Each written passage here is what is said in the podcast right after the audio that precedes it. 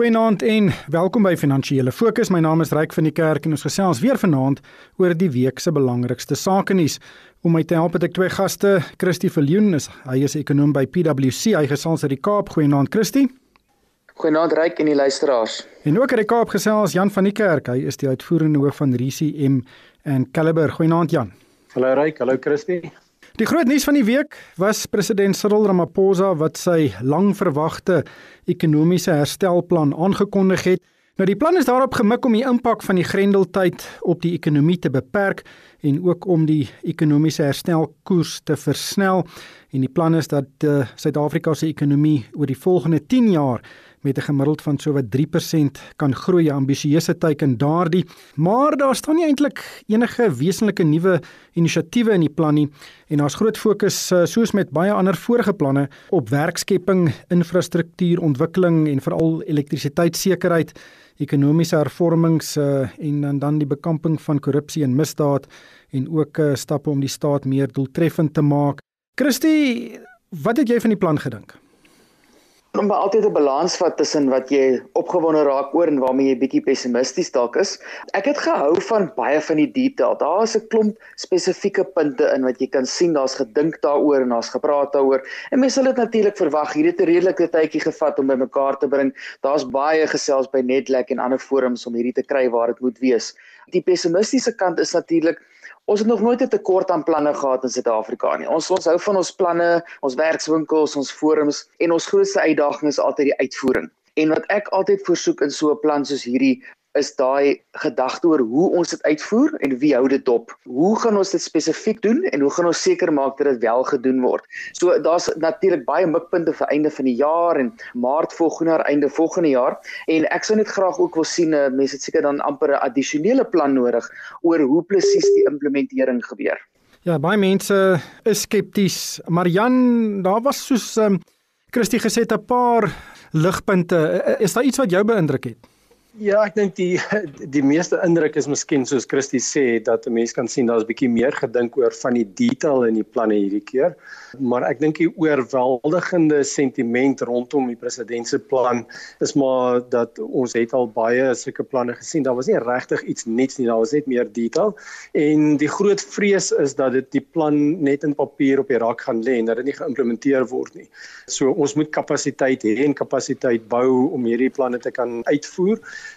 die deel wat my bietjie meer bekommer is dat fundamenteel het daar nog niks verander in die regering se siening dat dit die die staat of die regering se verantwoordelikheid is om ekonomiese groei te dryf en werk te skep nie. Daar's geen erkenning regtig dat die private sektor 'n deel het om te speel daar nie. En om 3% groei te genereer, gaan daar geld spandeer moet word en ons regering het nie regtig die geleentheid om hulle spandering te vergroot nie. So ek weet nie hoe prakties dit is nie. Christie, ek stem met Jan saam. Die private sektor moet 'n reuse rol speel om die ekonomie vinniger te laat groei en om werk te skep. En ek het die week met Martin Kingston van Sake Eenheid Suid-Afrika en ook Business for South Africa gesels en albei organisasies was baie nou by die onderhandelings betrokke. Hy het gesê op RSC geldsaake dat hy die indruk gekry dat die regering baie ernstig is om hierdie plan in werking te stel of so gou as moontlik sekere dele daarvan in werking te stel.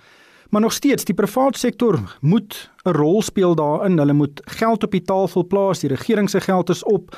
Maar ons sit in 'n situasie waar sake en beleggersvertroue op rekordlaagtepunte is.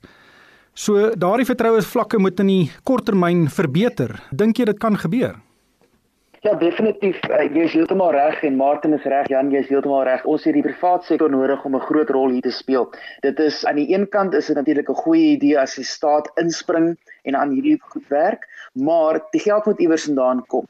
So ons het daadwerklik nodig dat die private sektor se vertroue, soos jy moet sê, dit moet opstyg van hierdie verskriklike laagpunte waar ons op die oomblik is.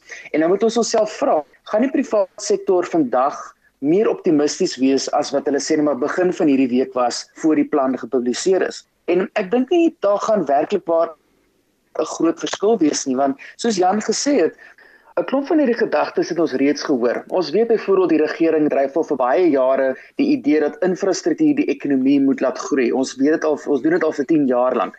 Maar die dividende wat ons uit hierdie infrastruktuur dryf kry is baie min, dit is wel onbekend. So ek is nie bekommerd dat ons dieselfde ou planne weer gebruik en ek is bewus daarvan dat die kabinet natuurlik hierdie groot nuwe gedagtes wil implementeer om die ekonomie te groei, want ons sit met aansienlik meer mense wat nie werkloos is.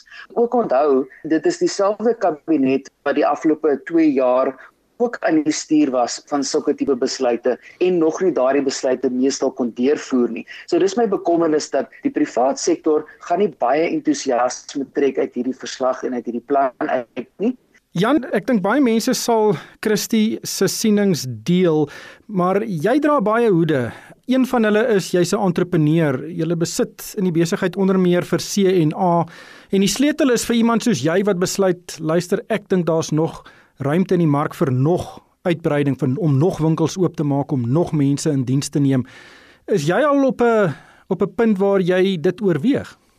Nee, ek dink ons siening op die oomblik is ons moet die beste maak van wat ons het. Ons het sopas uit COVID krisis gekom eh, en wanneer ek met weet ander besigheidsmense en entrepreneurs gesels, is meeste van die gesprekke ons moet seker maak dat ons oorleef tot vroeg volgende jaar en dat ons sien wanneer die, die samelewing dan normaal terugkom en ons almal of meeste besigheidsmense beplan maar hulle besigheid so dat ons nie op die regering hoef te steun vir hulp in die toekoms nie want ons dink nie dit sal daar wees nie.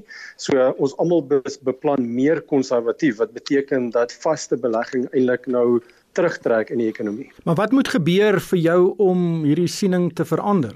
Vir ons is dit belangrik dat ons weet dat die regering se finansies stabiel en op 'n goeie pad is. Ons moet voel dat die regering ons sien as 'n belangrike deel van die samelewing dat ons 'n deel het om te bring sodat wanneer ons langtermynbeleggings maak, dat ons lank genoeg ons besigheid kan dryf om 'n verskil te maak in die samelewing, om 'n opbrengs op ons belegging te genereer en om mense in diens te neem. So ja, dis maar dieselfde ou goed wat ons jare lank al sê, maar wat nog nooit van tevore na vore gekom het nie. Dit wat jy nou gesê het, gaan nie 6 maande vat in werking gestel te word nie. Dit kan tot jare vat voor dit gebeur. So dit dui jy daarop dat die ja, private sektor 'n rukkie gaan vat voordat hulle na die partytjie toe kom. Dis presies reg en ek dink die regering se se aksies tans wys dat hulle nog minder verwag van die private sektor om om 'n deel te doen in die herstel. Suid-Afrika se samelewing het 'n kultuur gebou en en is besig om onder 'n kultuur te operate wat sê die regering gaan vir ons sorg en ons hoef nie bekommerd te wees daaroor nie en totdat ons nie daai houding verander nie en dit kan net van leierskap kom, dink ek gaan die dinge nie omdraai nie. Christie, Jan het 'n interessante opmerking gemaak. Hy het verwys na Suid-Afrika se fiskale posisie as 'n risiko. Watter impak sal die fiskale posisie van Suid-Afrika hê op ons ekonomiese hersteltraject? Is hulle baie gekoppel aan mekaar? Behalwe nou dat die regering fisiese deel van die ekonomie is en dat hulle spandeer en werk skep en die BBP laat groei, moet ons ook dink hoe hulle aksies die private sektor beïnvloed. So Jan het byvoorbeeld genoem die private sektor soek seker dat die regering se finansies onder beheer is. Want indien dit onder beheer is, dan weet ons hulle kan die baie in stand hou, hulle kan hospitale bou byvoorbeeld. Indien die finansies onder beheer is, dan weet ons daar's nie 'n groot risiko belastingkoerse skielik opgaan nie. So die private sektor beïnvloed. En as hulle nie daai sekerheid het nie, dan beïnvloed dit natuurlik beleggingsbesluite deur die private sektor. So daar's 'n beide 'n direkte en 'n indirekte effek van die gesondheid van staatsfinansies op die ekonomie. En Jan is heeltemal reg, dit lyk op hierdie stadium of kom ons sê weer eens met hierdie plan dat die die regering wil die voor werklikwaar 'n goeie ding is. Jy jy wil hê die staat moet aan die stuur wees van 'n ekonomiese herstel. Ek sou graag wil sien dat die staat met 'n mikpunt van byvoorbeeld 800 000 werksgeleenthede punt sal maak om te sê hoeveel die private sektor moet skep. Want ons sien dat die staat die voortou neem om daai werksgeleenthede te wil befonds en ons weet reeds dat die staat se fiskale situasie Jan die minister van finansies Tito Mboweni het nou uitstel gevra vir die voorlegging van die mini-begroting waar die regering sy geldsaake se gesondheidsvlakke gaan bekend maak vir die volgende paar jaar. Dink jy ons moet iets daarin inlees dat hy vir uitstel gevra het? Ja, wat al wat ek daarin inlees is dat president Ramaphosa se regering is een wat baie praat en lank vat om besluite te neem en dit is maar die gevolg daarvan dat die administrasie dan ook langer neem. So ek ek lees niks meer daarin. Christie, interessante nuus storie het gebreek Vrydag en dit is uh, in die Staatskoerant gepubliseer dat munisipaliteite nou elektrisiteit direk van derde partye kan aankoop en nie net van Eskom nie. Nou ek weet veral Kaapstad vra nou al lank daarvoor. Dink jy dis 'n belangrike konsessie wat die regering gemaak het om nou in munisipaliteite toe te laat om van derde partye en privaat sektor instansies krag te koop? Ek dink dit is baie goeie nuus. Ek dink is iets wat al lank moes gebeur het en dit is een van die punte waar die regering nou maar die knie gebuig het om te sê dat ons kan nie meer voortgaan met Eskom soos dit tans is nie. So ek is baie bly dat dit wel nou gebeur het. Ek dink daar's baie van die die stede se bestuurders wat ook baie baie opgewonde is. As ek dink aan Kaapstad byvoorbeeld, ons het gereeld, kan ek sê 'n vlak minder se beurtkrag as die res van die land, juis omdat stad Kaapstad hier en daar 'n vermoë het om om krag op te wek en dit kreatief te gebruik. So ons voel hierdie kant al die voordeel van so 'n tipe beweging. Um, dit is nie net vir huishoudings en besighede wat dan bietjie meer sekerheid oor krag het nie, maar dit dit sal natuurlik beleggings ook aanmoedig. Want nou weet moontlike privaat beleggers dat daar 'n groter aanvraag kan wees vir die krag wat hulle opwek want hulle hoef nie deur die nasionale regering en Eskom te gaan nie hulle kan op 'n meer streeksvlak hierdie tipe dienste ook lewer. So ek is oor die algemeen baie opgewonde oor die verwikkeling. Ja, ek moet net bysê julle dan vir Kuiberg daaronder en uh, dit maak ook 'n verskil aan die aan die beerdkrag. Maar Jan, maak dit jou opgewonde dat daar so 'n konsessie is? Ek is ongelukkig bietjie sinies oor die saak. Ehm um, die regering het nie self hieroor besluit nie. Die hof het namens hulle besluit nadat die Wes-Kaapse regering hulle in die hof gedaag het.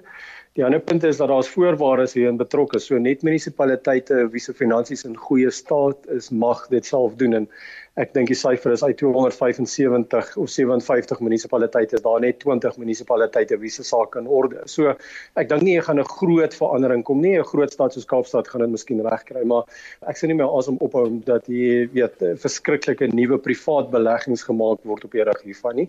Dis nog 'n tydjie weg. Die ANC uh, munisipaliteite gaan nie eens hulle sake moet uitsorteer.